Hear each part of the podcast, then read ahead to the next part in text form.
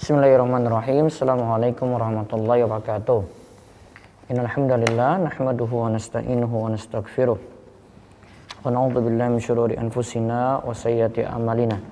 May yahdihillahu fala mudhillalah wa may yudlil fala hadiyalah. Wa asyhadu an la ilaha illallah wahdahu la syarikalah wa asyhadu anna Muhammadan abduhu wa rasuluh. Allahumma salli ala nabiyyina Muhammad wa ala alihi wa man tabi'ahum bi isan ila yaumiddin. Allahumma inna nas'aluka ilman nafi'a wa rizqan thayyiba wa amalan mutakabbala. Segala puji kita panjatkan pada Allah. Salawat serta salam semoga tercurah pada Nabi besar, Nabi agung, Nabi kita Muhammad sallallahu alaihi wasallam. Baik para pemirsa jemaah sekalian yang semoga senantiasa dirahmati oleh Allah pada kesempatan pagi ini seperti biasa kita duduk kembali dalam majelis yang mudah-mudahan bawa berkah bagi kita semuanya. Mudah-mudahan Allah memberikan keberkahan ilmu dan senantiasa memberikan kita kebaikan demi kebaikan. Karena dengan belajar ilmu agama, uh, kebaikan itu akan terbuka bagi kita sekalian. Baik setelah kita melihat semangat para ulama dalam belajar hingga bagaimanakah mereka begadang di malam hari untuk belajar, kali ini kita lihat bahasan belajar ilmu dunia juga penting, tetapi nanti ada hal-hal yang perlu diperhatikan. Karena tidak semua uh, pertama ilmu dunia tidak semua itu mutlak untuk dipelajari karena ada ilmu yang baik dan ada yang uh, tidak pantas untuk kita pelajari, bisa jadi bertolak belakang atau bertentangan dengan syariat.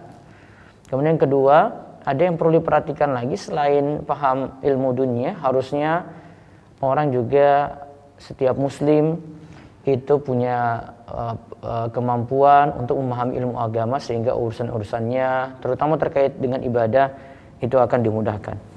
Baik kita lihat di halaman 49 dari buku Mahasantri bisa Anda memiliki segera di penerbit uh, Rumaiso ada di marketplace Rumaiso Store atau lewat uh, reseller agen kami yang ada di berbagai kota atau bisa langsung ke Ruai Store di 0852 00171 222. Baik kita lihat di halaman 49. Ilmu dunia juga penting. Tapi yang dipuji tetaplah ilmu agama. Jadi yang dipuji dalam dalil, yang disanjung, yang kita kemarin lihat keutamaan-keutamaannya yang dimaksudkan adalah tab ilmu agama. Ya. Baik, dibaca. Seringkali kita mendengar pertanyaan, mengapa harus dibeda-bedakan antara ilmu agama dengan ilmu dunia? Bukankah keduanya berasal dari bersumber dari ilmu Allah? Bukankah ilmu dunia juga penting dipelajari untuk kemaslahatan kaum muslimin? Demikian pula kita dapati sebagian orang yang menyampaikan dalil-dalil tentang keutamaan ilmu, baik dari al dalil Al-Quran maupun As-Sunnah, namun untuk mendorong orang agar semangat belajar dan meraih ilmu dunia. Ya, Eh, kalau kita perhatikan dalil-dalil tentang keutamaan ilmu, baik dari Al-Quran maupun As-Sunnah, itu uh, mendorong agar semangat belajar uh, dan meraih ilmu dunia tetap ada gitu. Ya, coba kita lihat Rasulullah SAW.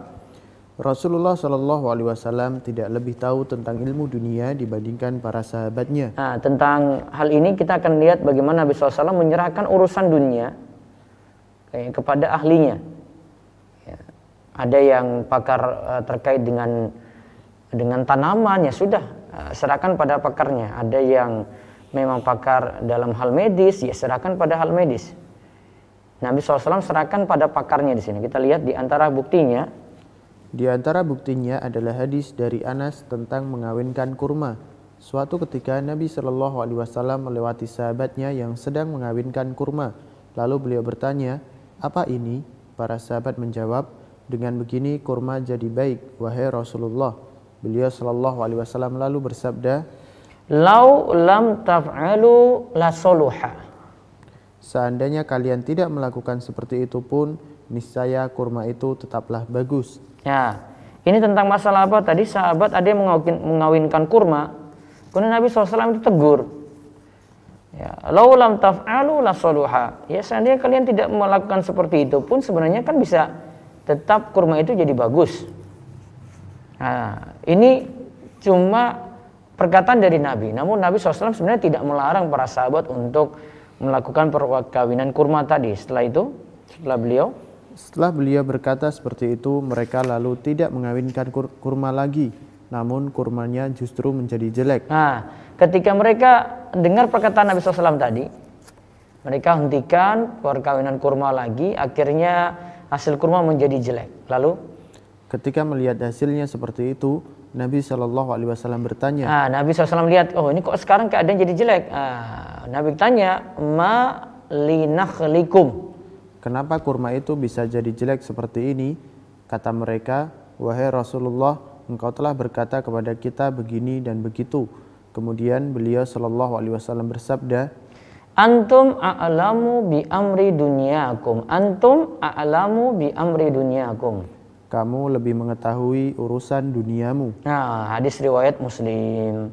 Artinya di sini uh, harusnya sahabat tidak usah dengar perkataan Nabi terkait dengan tanaman tadi. Tadi Nabi cuma cuma seperti berkata saja gitu.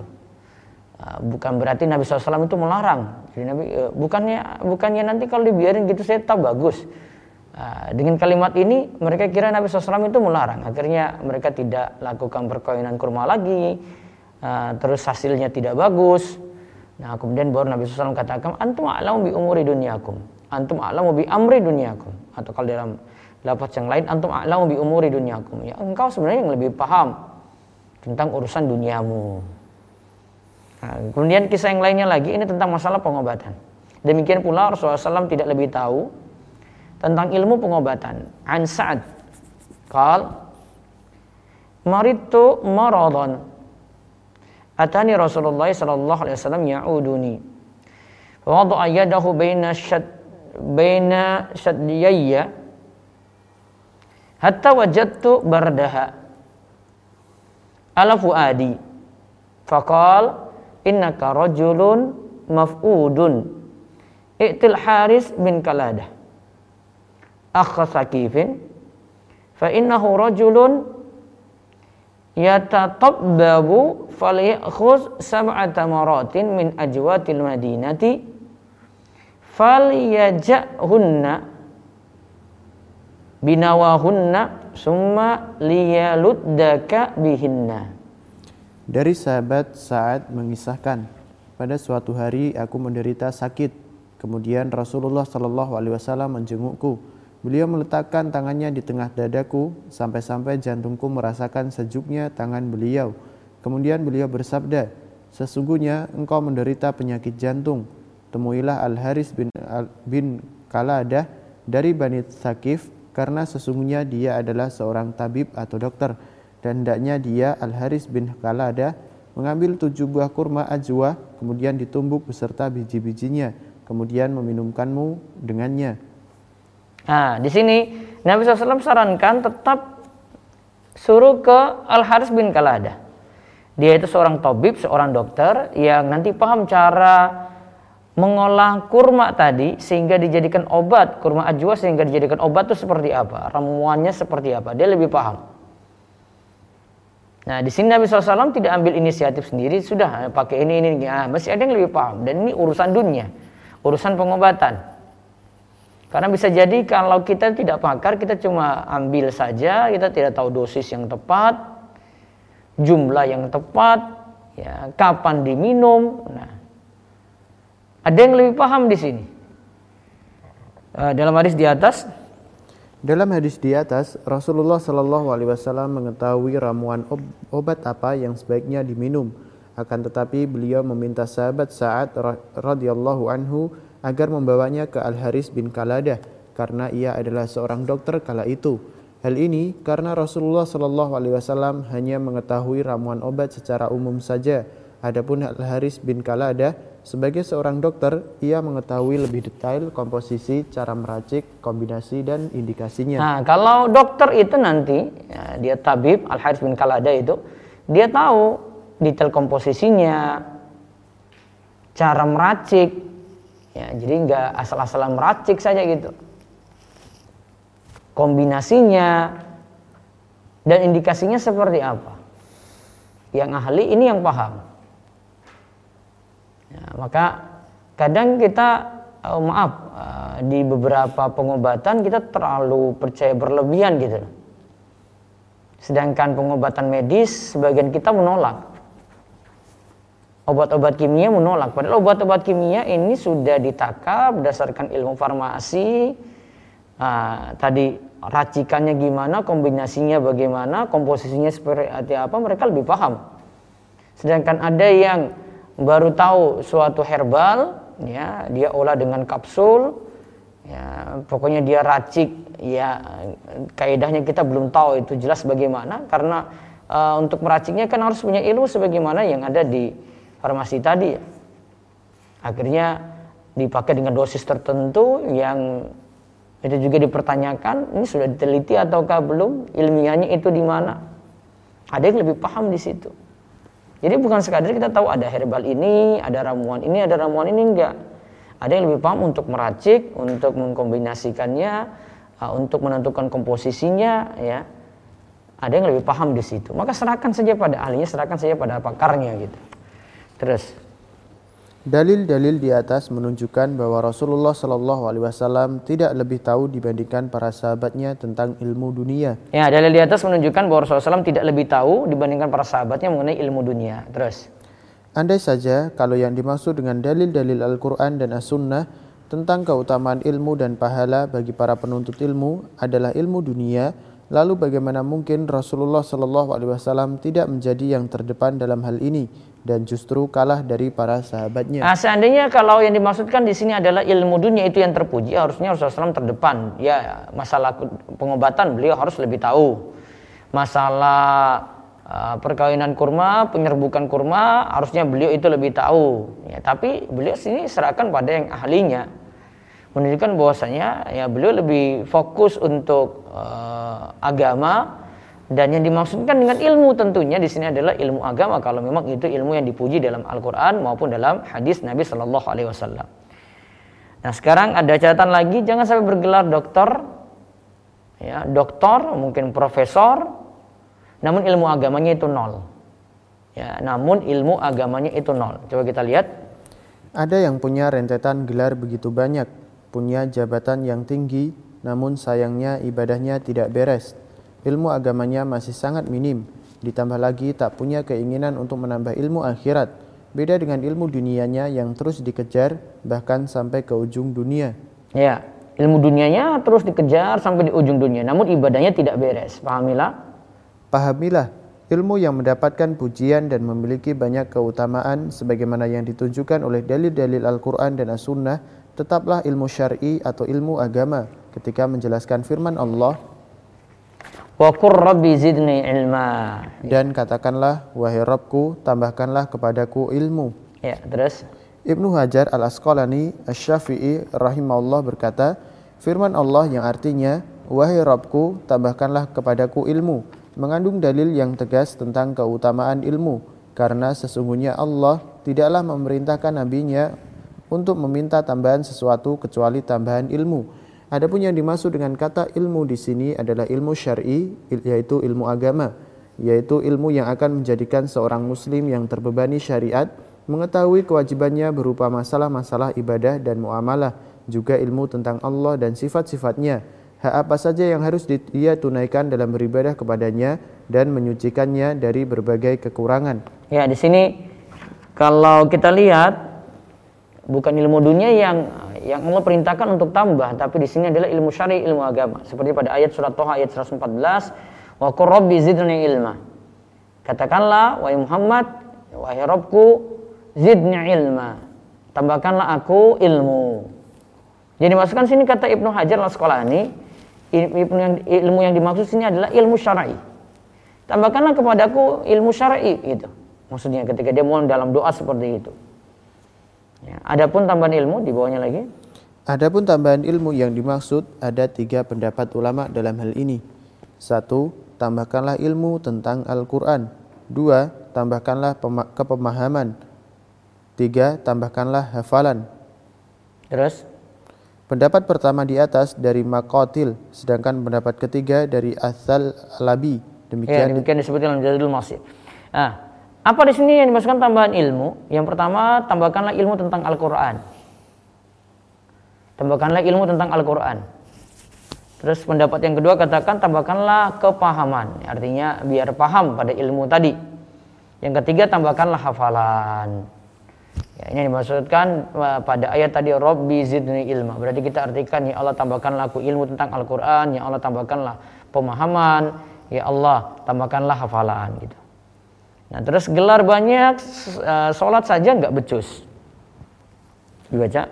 Terdapat dalil-dalil yang menunjukkan celaan bagi orang yang hanya pandai dalam ilmu duniawi, namun lalai terhadap urusan akhirat atau ilmu syar'i. Inilah kondisi mayoritas kaum muslimin saat ini ketika ilmu agama sudah benar-benar terlupakan dari perhatian mereka. Allah berfirman, Nah, ini dalil yang menunjukkan kalau orang cuma pentingkan masalah dunia, ilmu dunia, ngejar gelar ya, namun lupa untuk mempelajari ilmu agama. Allah berfirman dalam surat Ar-Rum ayat ke-7. Ya'lamuna zahiran minal hayati dunya wa hum 'anil akhirati hum ghafilun. mereka hanya mengetahui yang lahir saja dari kehidupan dunia, sedang mereka tentang kehidupan akhirat adalah lalai. Ya, mereka hanya mengetahui yang lahir saja dari kehidupan dunia. Sedang mereka tentang kehidupan akhirat itu lalai. Surat Ar-Rum ayat ke-7. Terus maksudnya Maksudnya, sebagian besar manusia tidaklah mempunyai ilmu kecuali ilmu tentang dunia dan segala yang terkait dengannya. Mereka sangat pandai dengan hal tersebut, namun lalai dalam masalah-masalah agama mereka dan apa yang bisa memberikan manfaat bagi akhirat mereka. Ya, ya mereka sangat pandai dengan hal tersebut, namun lalai dalam masalah-masalah agama dan apa yang bisa memberikan manfaat bagi akhirat mereka. Coba kita lihat perkataan dari Syekh Abdul Rahman bin Nasir Sa'di rahimahullah dalam Taisir Al-Karimi Rahman. Syekh Abdurrahman bin Nasir As-Sa'di rahimahullah berkata, Sungguh mengherankan ada yang begitu brilian dalam ilmu atom, atom, listrik, bahkan mereka ialah ahli dalam bidang transportasi darat, laut, dan udara. Kebriliannya begitu mencolok. Mereka terlihat sangat pandai dalam ilmu keduniaan tadi. Mereka pandang dengan takdir Allah yang lain tak secerdas mereka. Akhirnya mereka menganggap diri mereka hebat dan pintar hingga memandang yang lain sebelah mata. Namun sangat disayangkan, mereka malah buta dalam hal agama. Mereka malah jadi orang yang benar-benar lalai dari akhirat. Mereka tidak memandang bahwa hidup di dunia pasti ada akhirnya. Mereka tak mereka benar-benar berada dalam kepandiran.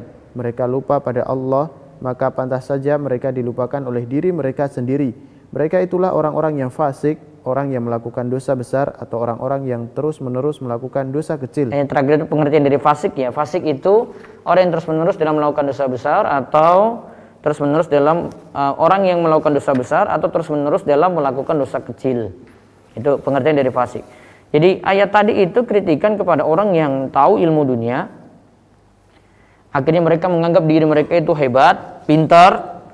Namun sangat disayangkan mereka itu lupa atau mereka itu enggan untuk mempelajari ilmu agama, malah buta dalam hal agama. Mereka malah jadi orang-orang yang benar-benar lalai dari akhirat. Nah, terus kita lihat perkataan yang sangat menohong dari Al Hasan Al Basri. Wallahi la balagha min ahadihim bidunyahu ayuqallibad dirhama ala dhufrihi fayukhbiruka biwaznihi wa ma yusinu ayusalliya. Demi Allah, salah seorang dari mereka telah mencapai keilmuan yang tinggi dalam hal dunia, di mana ia mampu memberitahukan kepadamu mengenai berat sebuah dirham atau uang perak, hanya dengan membalik uang tersebut pada ujung kukunya, sedangkan dirinya sendiri tidak becus dalam melaksanakan sholat.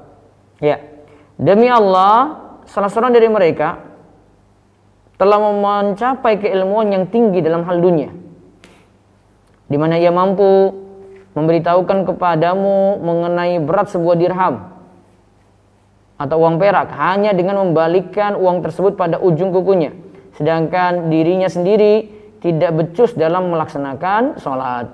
Terus dari Abu Hurairah radhiyallahu anhu Rasulullah SAW bersabda, Innallaha yakbiru Innallaha yabghidu kulla ja'dhari jawadin sakhabin fil aswaqi jaifatun bil laili himarun bin nahari alimun bid dunya jahilun bil akhirah Allah sangat membenci orang ja'zari atau orang sombong, jawad, rakus, lagi pelit, suka teriak di pasar, bertengkar, berebut hak, bangkai di malam hari, tidur sampai pagi, Kalau dia di siang hari karena yang dipikir hanya makan, pintar masalah dunia, namun bodoh masalah akhirat.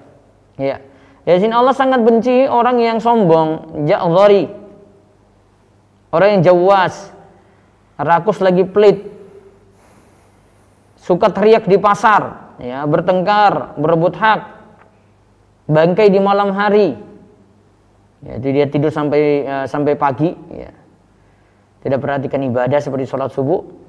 Kalau dia di siang hari karena ini pikirnya hanya makan terus, dia itu pintar dalam masalah dunia. Alimun bid dunya jahilun bil akhirah. Namun sayangnya dia itu bodoh untuk urusan akhirat.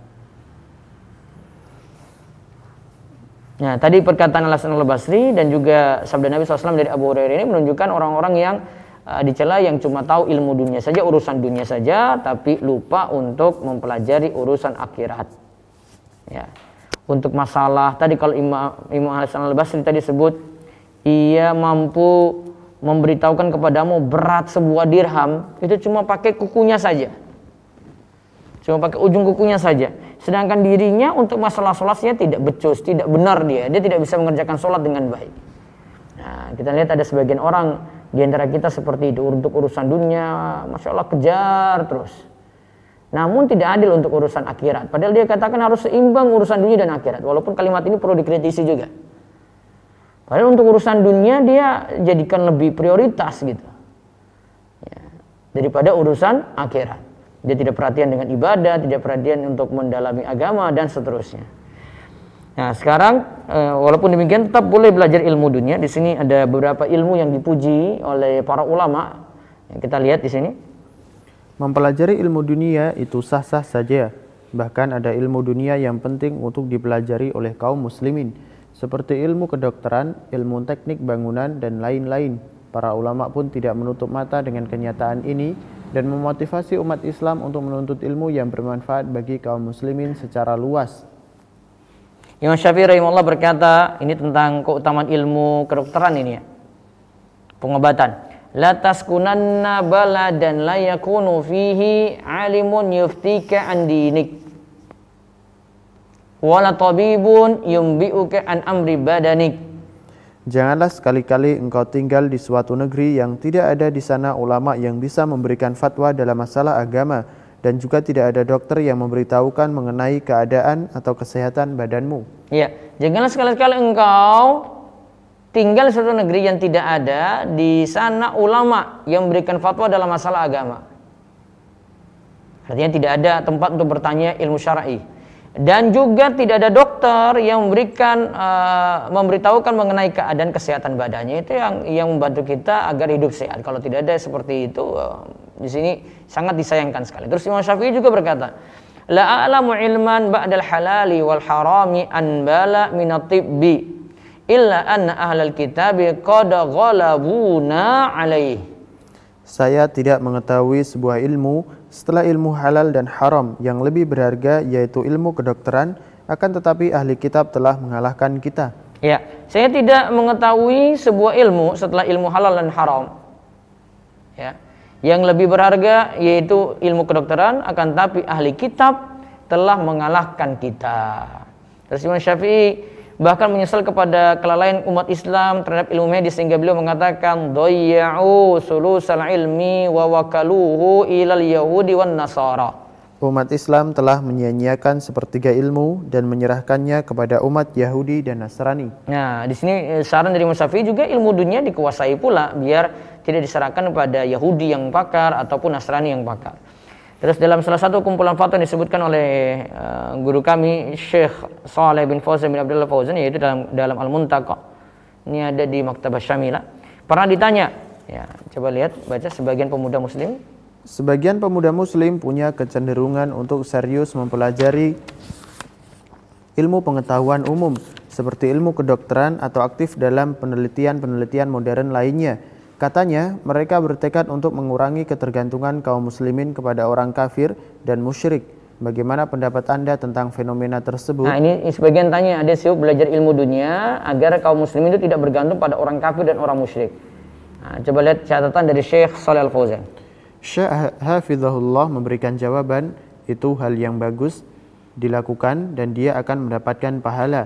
Hanya saja dia tidak boleh meninggalkan aktivitas belajar ilmu agama yang ia butuhkan. Lihat di sini catatannya ya, boleh berarti pelajari ilmu dunia silahkan, namun jangan lupakan untuk mempelajari ilmu agama.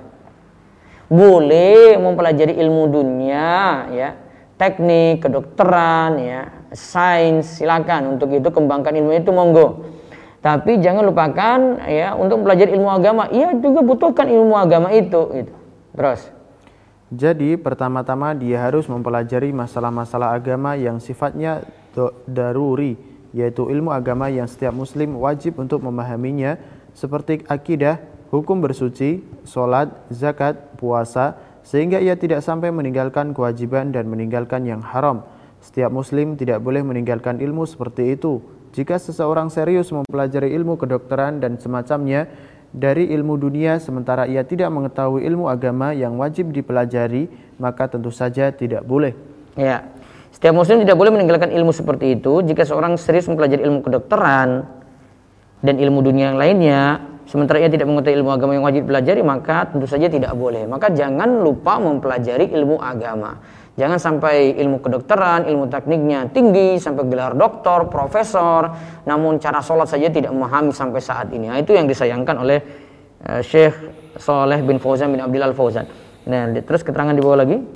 Penjelasan Syekh menunjukkan bahwa bekal utama yang harus dimiliki adalah mempelajari ilmu agama, terutama ilmu yang wajib dipelajari. Setelah itu, jika ia ingin menguasai ilmu teknik, kedokteran, farmasi, ekonomi, maka tidaklah masalah apalagi ia meniatkan ilmu tersebut untuk kemajuan Islam dan untuk manfaat bagi orang yang orang banyak. Semoga dengan niatan baiknya ia akan mendapatkan pahala. Ya, mudah-mudahan uh, dia termasuk uh, dalam hadis khairun nas anfa'um linnas sebagaimana hadis Ibnu Umar berikut ini. Ibnu Umar radhiyallahu anhu Nabi sallallahu alaihi wasallam bersabda, "Habun nasi ilallahi taala anfa'uhum linnas." Wa habul a'mali ilallahi taala sururun tudkhiluhu ala muslimin au tak uh, au takshifu anhu kurbatan atau taqdi anhu dainan atau tatrudu anhu ju'an. Manusia yang paling dicintai oleh Allah adalah yang paling memberikan manfaat bagi manusia. Adapun amalan yang paling dicintai oleh Allah adalah membuat muslim yang lain bahagia, mengangkat kesusahan dari orang lain, membayarkan utangnya atau menghilangkan rasa laparnya. Nah, di sini sebutkan beberapa poin yang perlu dicatatan penting bagi kita. Manusia paling dicintai itu manusia yang paling memberikan manfaat untuk orang lain. Jadi ilmu dunia yang dipelajari yang bagaimana? Ilmu dunia yang memberikan manfaat untuk orang lain. Ada nggak ilmu dunia yang mencelakakan orang lain? Ada. Dia belajar riba, dia belajar ilmu-ilmu uh, yang sesat gitu. Itu mencelakakan orang lain gitu. Kalau ilmunya manfaat orang lain, nah semangat untuk mempelajarinya. Sebagaimana Nabi SAW itu juga katakan, ihris alama yanfa'uk wasta'in bila wala ta'jiz. Semangatlah untuk hal yang manfaat untukmu, minta tolonglah kepada Allah, banyaklah berdoa, mohon pada Allah. Namun jangannya janganlah lemah atau malas. Jangan banyak mager, jangan banyak rebahan gitu. Kalau itu manfaat ya sudah, tekuni itu. Terus dikatakan lagi di sini ada pun amalan yang paling dicintai oleh Allah adalah membuat muslim yang lain bahagia. Ya, membuat muslim yang lain bahagia terus mengangkat kesusahan dari orang lain, ya, membayarkan utangnya. Ya, ini juga berarti membantu orang lain ya. Ada yang mungkin ter, uh, ter, uh, terasa sulit atau punya beban berat dalam hal utang, kita tolong gitu. Itu termasuk mengangkat kesusahannya juga. Atau menghilangkan rasa laparnya ini dalam keadaan lapar. Misalnya dalam masa pandemi gini ada tetangga, saudara-saudara kita yang susah dalam pekerjaan untuk kehidupan sehari-hari saya tambah sulit. Nah, dibantu Nah ini yang diinginkan oleh Nabi SAW. Itu masuk dari dalam dalam sabda Nabi SAW uh, eh, amalan yang paling cintai oleh Allah. Nah, sekarang bahasanya yang terakhir untuk pagi ini, mestikah berhenti kuliah? Nah, kenapa nyambung dengan tadi? Karena ada yang merasa ya sudah ilmu agama itu paling bagus, ilmu dunia itu gak ada apa-apanya gitu. Nah, kita berhenti kuliah saja, saya kuliah teknik, saya berhenti saja, saya kuliah kedokteran, saya berhenti saja. Apakah seperti itu? Nah, sekarang kita lihat bahasanya di halaman 59. Ya. Berdasarkan pengalaman penulis, ketika awal-awal menuntut ilmu agama sembari kuliah ilmu umum, didapati beberapa mahasiswa berhenti kuliah hanya karena memenuhi keinginannya untuk belajar ilmu agama di berbagai pesantren di Indonesia atau bahkan ke Saudi Arabia atau ke negeri Yaman. Ya. Hal Akhirnya ada yang punya inisiatif untuk keluar. Ah, sudahlah saya pergi ke Saudi saja, saya pergi ke Yaman aja, nggak usah belajar ilmu dunia lagi gitu. Terus hal di atas, Hal di atas tidak menjadi masalah jika ia memandang ada maslahat yang besar dan sudah mendapatkan izin orang tua.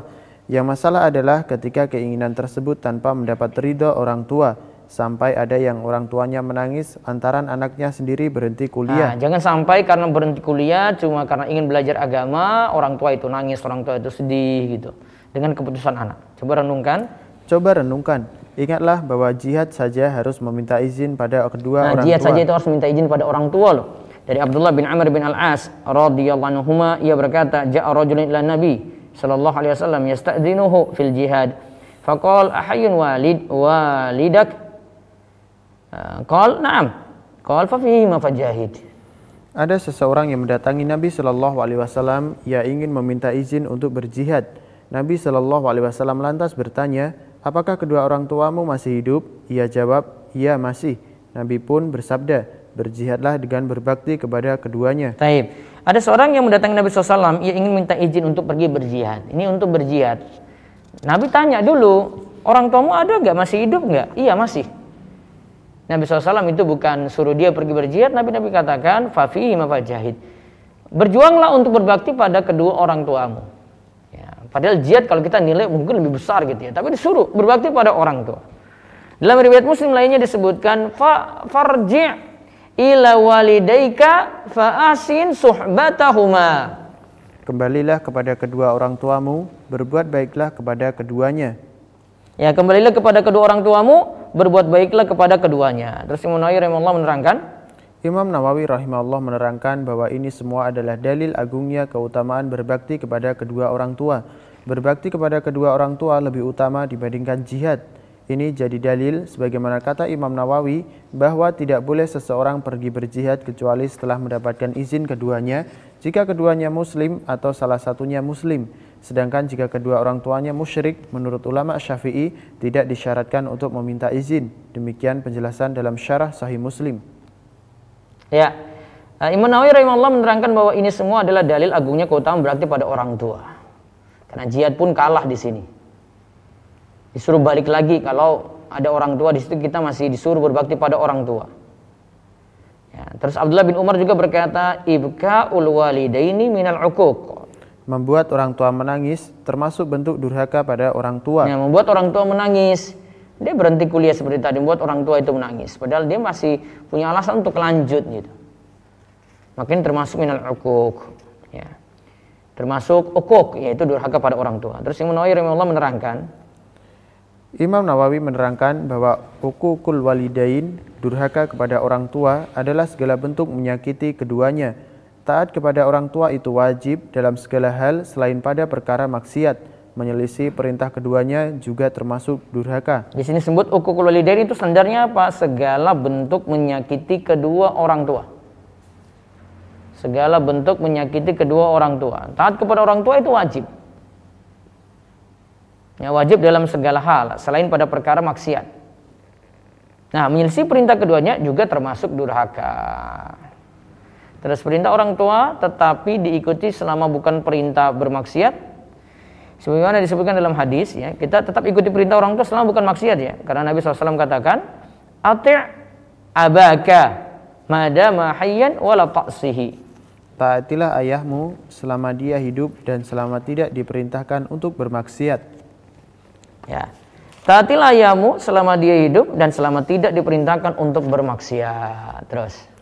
Kesimpulannya, carilah ridho orang tua dalam hal ini. Kalau ingin belajar ilmu agama dan keinginan orang tua adalah anak tetap menempuh kuliah umum, maka anak harus menuruti perintah orang tua tersebut. Berarti ia tetap melanjutkan kuliah untuk membahagiakan kedua orang tuanya.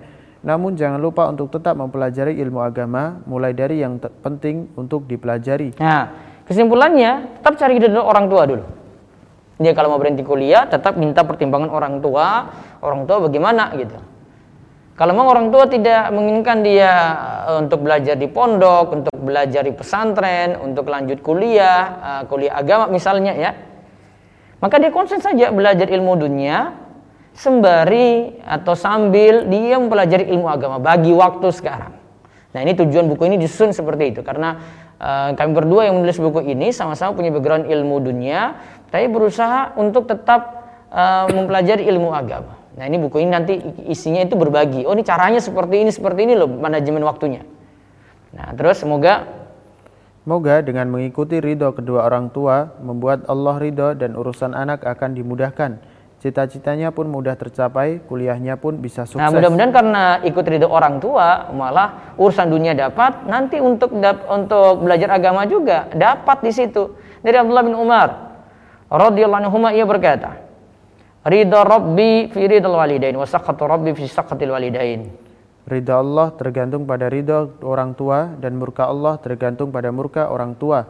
Ya, di sini hadisnya riwayat Bukhari dalam Adabul Mufrad, para ulama ada beda pendapat ada yang katakan di sini mauquf yaitu sampai sahabat berarti perkataan Ibnu Umar saja ada yang katakan ini sampai pada Nabi Shallallahu Alaihi Wasallam ya, jadi di sini cari ridho orang tua karena kalau kita dapat ridho orang tua kita dapat ridhonya Allah. Tentu urusan kita akan dimudahkan. Namun kalau kita buat murka orang tua nah, datanglah murka Allah ketika itu. Dari Abu Hurairah Rasulullah Shallallahu Alaihi Wasallam bersabda salatu da'awatin yustajabu lahunna la syakka fihinna.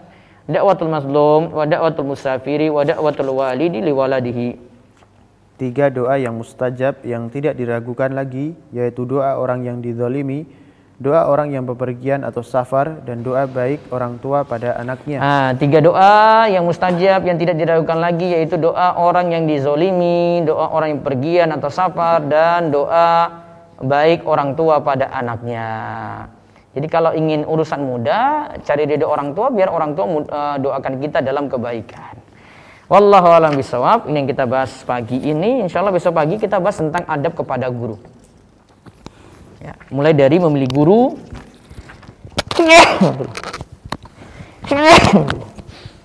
mulai dari memilih guru. Ya, terus keutamaan guru itu bagaimana? Sampai adab kepada guru.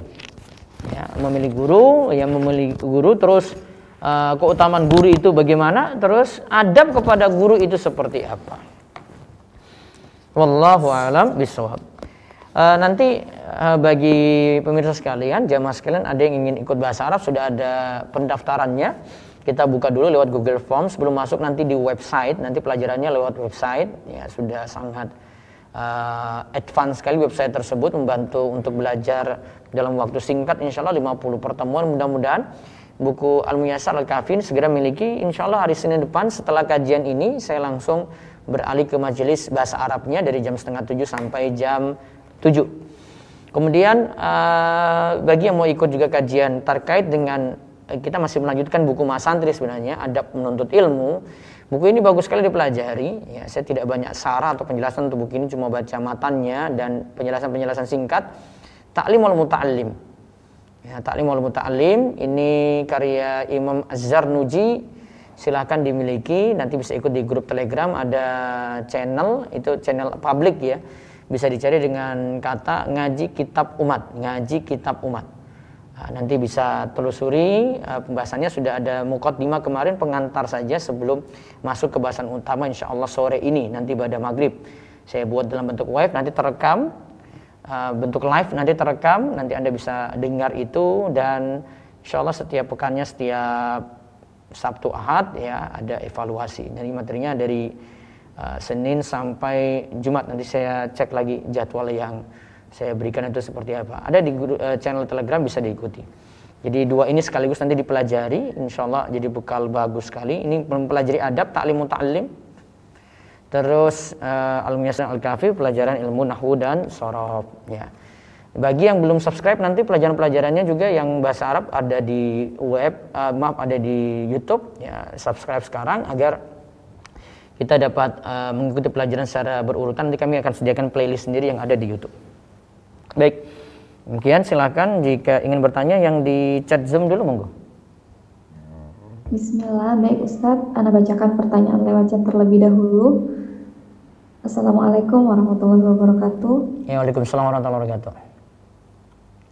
Uh, izin bertanya Ustadz, apakah boleh berkonsultasi pada psikolog terkait trauma atau duka dan kesedihan kepada psikolog. Saya pernah direkomendasikan oleh dokter untuk konsultasi ke psikolog. Jazakallah khairan wa barakallahu fiik Ustaz. Mungkin cari yang psikolog yang paham agama ya, uh, jangan psikolog umumnya karena nanti pendekatannya agak berbeda gitu. Pendekatannya nanti lebih ke psikolog padahal dia masih bisa diobati dengan pendekatan agama. Misalnya ada anak nakal misalnya, terus di uh, datangkan psikolog, mungkin secara psikolog saja itu padahal ada uh, saran-saran uh, yang harus diberikan ke dia perbaikan ini perbaikan itu ya. Uh, bisa diberikan saran ke dia gitu. Jadi uh, cari yang lebih amanat dalam masalah ini silahkan untuk manfaatkan psikolog tapi cari yang uh, memang bisa berikan saran yang baik sesuai dengan hukum-hukum syari. Allah berikutnya lagi silahkan chat lagi berikutnya Ustaz Bolehkah kalau kita baca zikir pagi atau petang terlebih dahulu sebelum menunaikan sholat wajibnya subuh atau asar? Jazakallah khairan. Sebelum menunaikan, uh, bolehkah kita tadi apa zikir? Pagi bolehkah petang kita dulu? membaca zikir pagi atau petang terlebih dahulu sebelum menunaikan sholat, sholat wajib. Boleh, yang penting asar. sudah masuk waktu sholat subuh. Baik, bisa yang resen silakan. Baik Ustadz, silakan Ibu Fitriani Harum. Silakan Ibu Fitriani Harum. Assalamualaikum. Ya, Waalaikumsalam warahmatullahi wabarakatuh. Silakan Bu. Ya Ustadz, uh, mau tanya mengenai bagaimana hukumnya seseorang yang dia menuntut ilmu itu demi mengejar gelar ya, dan gelarnya itu karena tuntutan pekerjaan Ustadz.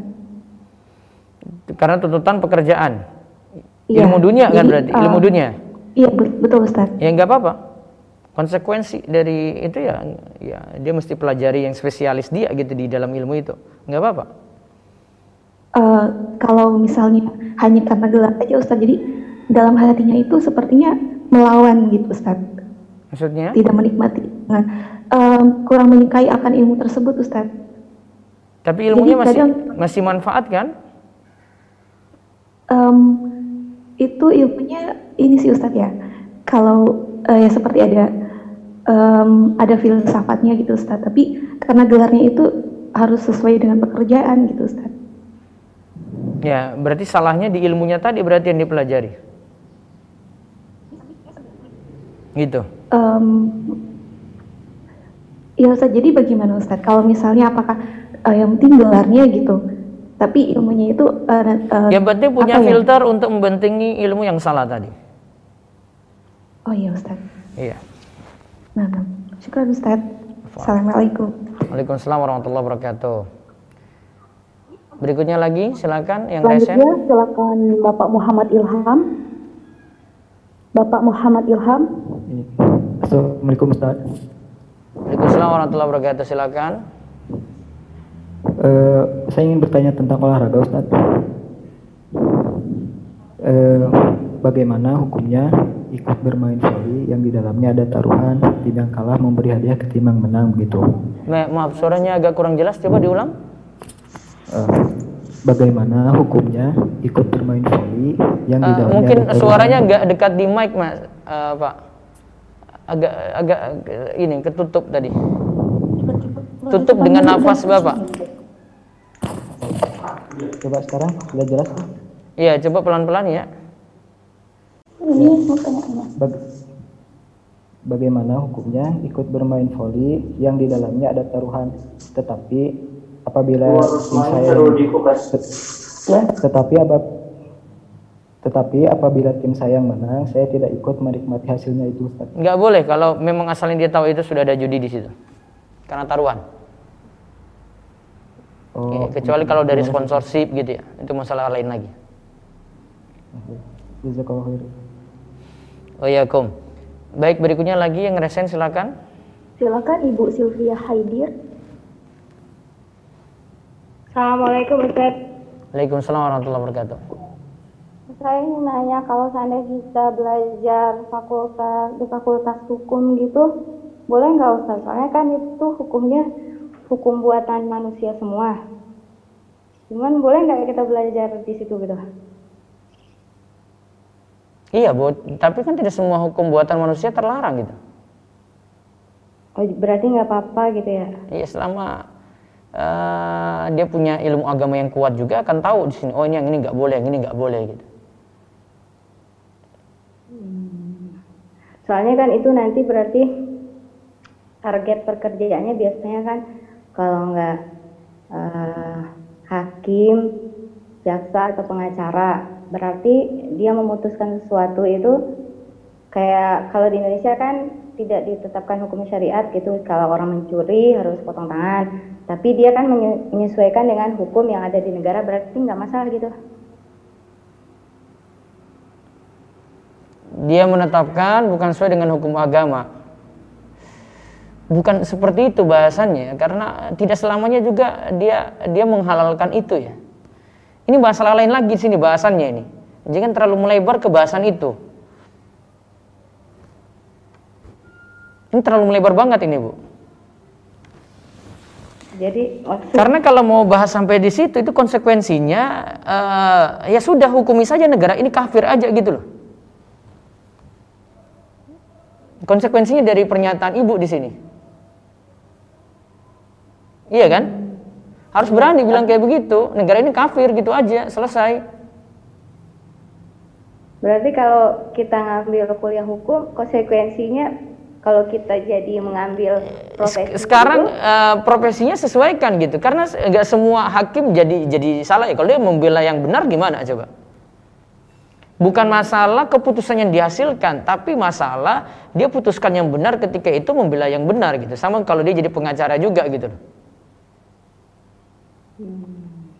nggak nggak berpikirnya seperti itu. Ini saya khawatir pemikirannya terlalu ini ini sampai taraf mengkafirkan nanti rawan nih pemikiran ini. Nggak boleh itu. iya ini cuma pemikiran khawarid saja nanti jadinya oh jadi nggak sampai situ pikirnya. Asalkan dia melakukan sesuatu itu sesuai keputusannya iya dia jadi pengacara misalnya. Dia pengacara cari Eh, klien-klien yang memang butuh untuk bantuan dia. Karena pengacara dibutuhkan juga pengacara muslim gitu. Yang paham hukum gitu. Iya kan, masa lepas semua sudah lah nanti orang kafir saja yang kuasai. Ya sudah gimana mau mau membela yang benar? Kita mau ngadukan ke pengacara yang baik bagaimana? Gitu. Kita butuh pengacara-pengacara yang baik juga gitu. Ini bukan masalah hukum yang nanti dihasilkan di sini. Kok tidak dihasilkan potong tangan? Itu masalah lain gitu. Hmm. Ini masalah lain lagi. Ini sekarang kan tanya pekerjaan dia kerja di mana kan? Jangan merembet sampai di situ. Jadi kalau selama di negara itu ditetapkannya hukumnya kayak begini gitu, selama dia memutuskannya sesuai dengan yang benar, berarti nggak masalah ya Ustaz? Iya, selama dia tidak menentang hukum hukum Islam gitu aja gambarannya ini bukan menghalalkan ya tapi ini sudah uh, kita berada di suatu lingkungan yang sudah menerapkan seperti itu gitu loh Ya kalau mau kayak gitu ya sudah pindah ke negara yang yang terapkan kayak gitu aja gitu, terus tinggal di sana itu. Sama satu lagi boleh nggak Ustaz? Iya. Kan uh, orang tua pernah berhubungan dengan masalah hukum e, tentang tanah tanah wilayah lah judulnya itu sampai bersengketa sampai ke Mahkamah Agung. Cuman untuk mengeluarkan surat segala macam kita itu harus bayar tapi bayarnya itu lewat belakang lah gitu supaya surat itu bisa keluar. Itu tuh jatuh jatuhnya kita nyogok gitu. Soalnya, ya nyogok kalau seandainya nggak bayar surat itu nggak keluar gitu Ya itu makanya di sini tadi kembali ke masalah yang ditanyakan di awal. Coba kalau nggak ada muslim-muslim yang benar di situ juga, itu tetap regulasi itu berlaku terus tuh. Berarti iya. Menurut saya surat itu kita butuh gitu. Cuman Nah, ini ini masalah lain ya. Tapi saya mau mengkritisi tadi dari awal nih. Coba kalau nggak ada yang muslim ini dan nggak ada yang paham hukum syari, ya kayak gini terus regulasi di negara kita tuh. Sogok terus tuh. Tapi coba kalau ada yang paham, kan dari yang ber, yang berkuasa yang jadi hakim yang punya aturan mereka ubah itu. Ini untuk berpikir dulu ya, sehingga ya. dari awal ya. saya kurang setuju gitu. Kalau sudah gak usah jadi pengacara, gak usah jadi hakim, karena ada kita butuhkan mereka juga. Ya, Buktinya aja sekarang bingung di sini nih. Nah. Iya. Bingung kan? Nah, sekarang ini masalah lain lagi ya. Ini masalah nyogok ya. Iya. Ya, kalau ka- dalam keadaan terpaksa nggak ada jalan lain dan itu hak kita, silakan. Saya bukan menghalalkan, namun darurat. Iya, iya. Darurat, bukan halal ya, darurat. Oke. Jazakallah khair Ustaz jawabannya. Assalamualaikum. Baik, sebentar saya baca dulu lewat YouTube. Tadi ada beberapa pertanyaan terkait em,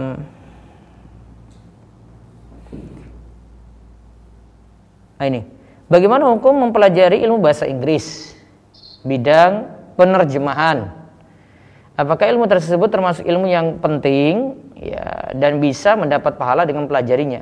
Kalau selama ilmu tadi khairun nasi anfa'uhum linnas tadi yang kita bahas ya. Jadi ilmu yang memberi manfaat pada orang lain karena tanpa ada beberapa ilmu dalam dalam eh, misalnya ada beberapa penelitian atau kita dari bahasa Indonesia untuk menerjemahkan ke bahasa Inggris untuk memuat penelitian ini dalam jurnal-jurnal butuh penerjemah. Ya. Untuk memahamkan juga bahasa asing juga ada ilmu-ilmu dari barat sana yang bisa kita ambil ilmu manfaat. Butuh penerjemah juga. Kalau teras, merasa itu manfaat, ya pelajari serius, bidangi itu jadi ahli di situ gitu. Wallahu a'lam. Nah ini eh, pertanyaannya bagus nih. Bagaimana pendapat Ustadz jika anak disekolahkan di sekolah umum? Agar misal anak-anak diarahkan ke ilmu dokter misalnya, tetapi di sisi lain dia mendapat ilmu agama dari rumah dan taklim rutin di luar dan kebanyakan sekolah umum kebanyakan ikhtilat Ustadz. Nah, nah kita tidak bisa mengingkari adanya ikhtilat di sekolah-sekolah umum di negeri kita. Kita belum dapat eh, kampus atau sekolah yang misah itu ya. Beda kalau misalnya kita berada di negara-negara seperti Saudi Arabia gitu. Nah, dengan keadaan saat ini kita butuh ya ahli kedokteran, ya engineering, ya sains yang pakar dalam beberapa bidang ilmu, tentu saja itu butuh. Kalau memang tidak ada jalan lain kecuali dengan jalan itu e, belajarnya sudah tinggal nanti ketika di kampus mengurangi mudorot. Mudorotnya gimana? Pahamkan kepada anak, oh ini ikhtilat, jangan terlalu bergaul dengan laki-laki e, lawan jenis gitu misalnya. Nah itu harus diingatkan kalau memang itu dibutuhkan dan tidak tercela untuk menyekolahkan anak di sekolah umum sebagaimana bahasan kita tadi kita butuh ilmuwan-ilmuwan ya pakar ya para dokter ya engineering yang juga muslim yang paham agama gitu. Wallahu a'lam. Baik satu lagi Uh, bagaimana kita membagi waktu mencari ilmu syar'i dan ilmu dunia? Bagaimana agar istiqomah mengkaji ilmu syar'inya? Kuncinya pada manajemen waktu. Bagi waktu baik-baik gitu. Ada prioritas. Ada waktu kita belajar agama ya konsen belajar agama gitu. Ada waktu kita untuk belajar ilmu dunia, kita belajar ilmu dunia. Tinggal waktunya kita mixkan, kita gabung gitu. Kapan untuk belajar ini, kapan untuk belajar itu. Ya, manajemen waktu ini yang nanti kita pelajari juga dalam buku Mas Santri ini ya. Nanti saya akan singgung di bagian-bagian akhir ada manajemen waktunya gitu. Ini cuma berbagi pengalaman aja ketika kami kuliah ya kuliah umum ya bisa belajar ilmu agama juga bisa gitu. Dan dapat hasil gitu. Bahkan eh, teman-teman kami satu kos-kosan itu ya dulu kami di Misfalah Tolabul Ilmi di Pogung gitu ya. Ya semua belajar agama serius. Hasilnya ada gitu loh. Hasilnya ada bukan hasil ilmu dunia saja. Hasilnya untuk ilmu agama juga ada. Kemanfaatannya untuk orang lain juga ada. Wallahu a'lam. Baik, satu lagi lewat resen silakan. Silakan Bapak Wisnu Nandar. Uh, baik, Assalamualaikum Ustaz. Waalaikumsalam warahmatullahi wabarakatuh. Semoga kesehatan dan kemudahan dalam segala urusan selalu berpihak kepada Ustaz. Gitu. Uh, mohon sarannya Ustaz, manakah yang lebih utama antara memilih belajar di negara mayoritas penduduknya Nasrani dengan alasan lebih mudah untuk melakukan ibadah haji. Jadi uh, kita bisa melakukan ibadah hajinya lebih uh, di usia yang lebih muda atau lebih cepat prosesnya uh, walaupun kemungkinan besar akan lebih besar ujian keimanan yang dihadapi ketika tinggal di sana atau memilih belajar di Saudi Ustaz.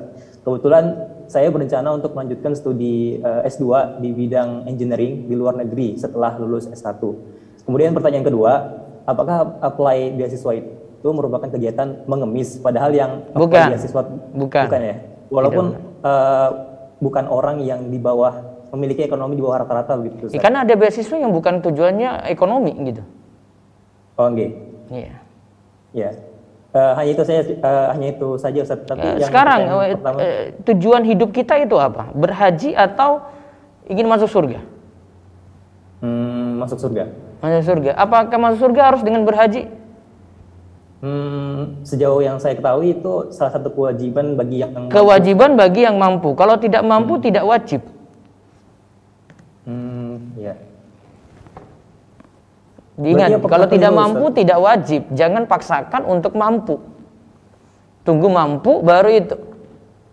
Kan mampunya itu tidak jadi wajib kan? Namun ketika mampu baru haji jadi wajib gitu. Beda kan? Kita tidak dipaksa untuk wajib haji gitu. Namun ketika kita mampu maka wajib untuk berhaji. Mudah-mudahan paham istilah saya ini. Ya, mudah-mudahan paham gitu. Jadi eh, saya sampai tanyakan eh, tujuan kan kita punya goal dulu, tujuan su- surga ya. Tet, apakah untuk ke surga ini harus dengan haji saja? Karena kalau tujuannya haji, orang akan tempuh segala macam cara. Yang penting saya pergi haji. Ya sudahlah, saya eh, pinjam uang cara riba. Oh, saya pokoknya kerja kayak gini. Penting saya bisa haji deh.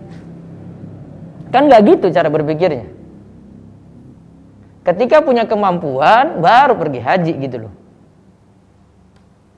Jadi goal, iya kita punya goal, saya mau pergi haji, tapi kan bukan jadi goal goal wajib. Goal wajibnya kan tujuannya lain itu, ada surga ya. Kan ke sana itu kan bukan hanya amalan haji saja. Karena amalan haji juga butuh syarat itu ketika mampu. Contoh masa pandemi ini sudah banyak yang harus berhaji untuk dua tahun ini, nggak bisa berangkat-berangkat juga. Wajib tuh sebenarnya mereka. Namun kendala, nggak bisa dipaksa itu. Jadi tolong paham istilah itu dulu ya. Mampu itu jadi syarat untuk berhaji. Namun untuk mampu itu tidak diwajibkan gitu. Karena tidak semua orang diwajibkan untuk kaya. Itu dulu dipahami. Karena kalau dari sini sudah sudah tidak paham ya, nantinya dia akan tempuh segala cara. Yang penting saya berhaji. Saya mau ambil talangan haji ya nggak apa-apa. Saya mau ngambil cara riba ya nggak masalah. Gitu. Walaupun tadi kalau bilang saya mau belajar ke Saudi ya monggo silakan gitu. Ya, monggo silahkan seperti itu. Bagus ini. Ya, tapi saran saya nanti dalam buku nanti akan akan saya buka gitu ya. E, ke Saudi e, jangan cu- cuma tujuannya itu itu e, bagi saya bagi saya sendiri nilai kurang gitu loh. Ya, karena kita se- se- seakan-akan nanti niat kita nanti keliru di situ. Saya haji, orang-orang tahu saya ini sudah haji nih ya. Jangan di situ. Pokoknya ke sana saya ingin dapat kebaikan, saya ingin belajar agama, sana ada ulama banyak gitu loh. Sehingga ulama-ulama besar itu pergi jauh-jauh dari kota mereka. Ada ulama di Uzbekistan sana, Imam Tirmidzi. Pergi dari Tir- Tirmiz ke Uzbekistan, dari Uzbekistan ke Khurasan, terus dari Khurasan pergi ke daerah Hijaz sana, Mekah, Madinah, terus dia berhaji, terus balik lagi berdakwah gitu. Tujuannya kayak gitu. Nah, untuk dapat dapat eh, mencapai ini gimana gitu. Jangan cuma mau ke Saudi, belajar bahasa Arab. Nggak nanggung-nanggung belajar bahasa Arabnya nggak bisa di Saudi. Sebelum berangkat itu bahasa Arab sudah mumpuni, sehingga ke sana nggak rugi-rugi banget gitu. Saya cerita kayak gini kenapa? Teman-teman saya itu pergi ke Saudi nggak paham bahasa Arab, cuma bahasa Inggris saja. Ya wes kalau kayak begitu. Cuma ilmu dunia saja. Apa belajar dengan ulama bisa? Enggak bisa. Ulama nggak ngomong pakai bahasa Inggris di sana. Ulama ngomong pakai bahasa Arab. Yang saya tekankan sekali, eh, terus bahasa Arab itu penting banget. Mungkin kalau ke sana cuma cari dunia bahasa Inggris saja, ya monggo itu sama saja kamu ke Eropa juga gitu loh. Bisa jadi ada di Saudi ilmu tadi, Eropa juga ada gitu dan di sana juga bisa memberikan eh, kebutuhan Anda gitu. Jadi kalau ke Saudi, pengen cita-cita ke Saudi, silakan. Namun jangan sampai rugi kalau ke sana. Waktu terbatas, misalnya mau S2 gitu ya, mau S2. Waktu cuma 2 tahun. Dua tahun di sana terus gak dapat apa-apa, cuma saya mau pergi haji saja. Ya rugi kalau saya bilang. Karena haji cuma di bulan Zulhijjah saja. Masa di waktu-waktu yang lainnya nggak bisa da dalam ilmu agama sih? Itu pikiran saya dari dulu ke Saudi kayak begitu. Ngapain saya ke Saudi kalau cuma kayak begini saja? Hmm, sama saja seperti saya ke Eropa, saya ke Australia, saya ke Amerika gitu kan sama aja. Cuma bedanya saya bisa haji gitu. Ya ada keunggulan tetap, tapi yang prioritas kalau saya sih sarankan agama juga gitu. Ada ulama-ulama besar di sana, di waktu sore itu bisa belajar ilmu agama gitu. Jangan untuk prioritas ilmu dunia saja. Saya bilang rugi kalau ke Saudi itu belajar ilmu dunia saja. Saya bilang untuk apa gitu. Di Indonesia pun bisa di Indonesia belajar ilmu dunia, haji juga bisa gitu. Ya, nanti timbang-timbang baik-baik. Cuma sekedar saran saja. Gitu ya? Iya Ustaz. Iya. Terima sangat enggak Ustaz. Jazakallahu khairan. Assalamualaikum. Baik, uh, saya rasa cukup dulu. Nanti besok Jumat insya Allah kita ada lami lagi. Masih bahasan tentang uh, adab kepada guru ya. Mudah-mudahan jadi ilmu manfaat dan Allah terus nambah kita ilmu dan memberi kita, kita taufik untuk terus dapat kebaikan. Kita tutup dengan doa kafaratul majlis. Subhanakallahumma bihamdik asyhadu an la ilaha illa anta astaghfiruka wa atubu ilaik. Assalamualaikum warahmatullahi wabarakatuh.